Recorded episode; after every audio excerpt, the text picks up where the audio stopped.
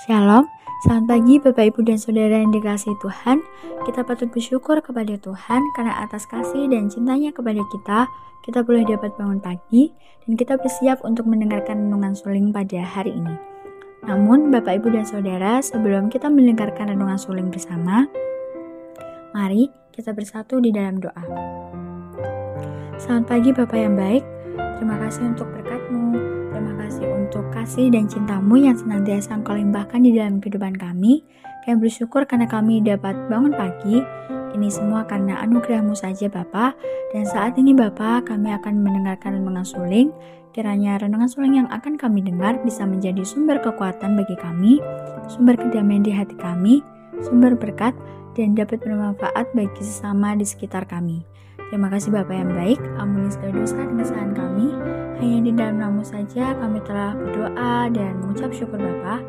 Haleluya, amin. Baik, Bapak Ibu dan Saudara yang dikasih Tuhan, judul renungan suling pada hari ini, tanggal 13 April 2022, adalah Jangan Tawar Hati.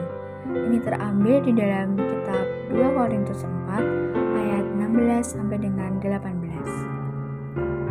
Di dalam kitab 2 Korintus 4 ayat 17, firman Tuhan berkata, Sebab penderitaan ringan yang sekarang ini mengerjakan bagi kami kemuliaan kekal yang melebihi segala-galanya jauh lebih besar daripada penderitaan kami. Pergumulan-pergumulan dan tekanan-tekanan hidup akan selalu ada dan selalu siap menggoyahkan kita. Tidak jarang ada orang yang menyerah meski baru ditimpa pergumulan atau tekanan hidup. Tetapi ada pula orang yang tetap tegar meski telah diterpa badai yang memporak-porandakan hidupnya dalam waktu yang cukup lama. Karena besar kecilnya masalah itu relatif, maka bisa dipastikan bukan besar atau berat atau juga lama atau sebentarnya masalah yang membuat seseorang jatuh menyerah di dalam keputusasaan melainkan pikir atau cara pandanglah yang sangat menentukan. Di dalam teks bacaan kita pada hari ini, diceritakan bahwa Paulus dalam pelayanannya sering menghadapi pergumulan dan tekanan hidup, bahkan setiap hari keadaan manusia lahiriahnya semakin merosot. Paulus mengalami banyak pergumulan, tekanan, dan penderitaan meski ia tengah mewartakan kebenaran firman. Apakah Paulus menyerah? Tentu saja tidak. Paulus tidak menjadi tawar hati. Paulus tetap sabar dan terus maju menjalankan pelayanannya seperti yang telah ditetapkan Tuhan. Ia terus berjalan melakukan apa yang menjadi tugasnya dengan keramahan, kesabaran, dan ketabahan.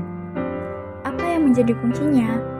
Paulus bisa bersikap seperti itu karena ia mengarahkan pandangannya bukan kepada masalah yang menimpanya, kepada apa yang ada di depannya. Jika dipandang dari sudut masalah, jelas masalah yang dialami Paulus amat sangat besar.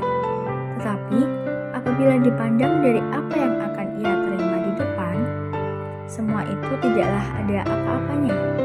Dengan pandangan yang seperti itulah Paulus bisa tetap tegar meski tubuh dagingnya harus ia pertaruhkan. Penderitaan bisa jadi menyiksanya secara daging, tapi tidak demikian dengan rohnya. Ia tidak terfokus kepada penderitaan daging yang fana, tetapi ia memusatkan perhatiannya kepada keselamatan roh yang kekal. Jadi, kalau hari ini kita menghadapi pergumulan dan tantangan yang membuat kita mulai menyerah, maka belajarlah dari Paulus.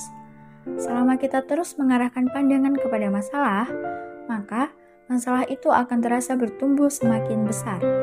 Namun, jika pandangan diarahkan di dalam iman yang percaya, kita tidak perlu kehilangan sukacita, walau seberat-beratnya masalah menimpa kita. Hanya karena satu harapan yang telah hilang, tidak berarti seluruh hidup kita sudah gagal.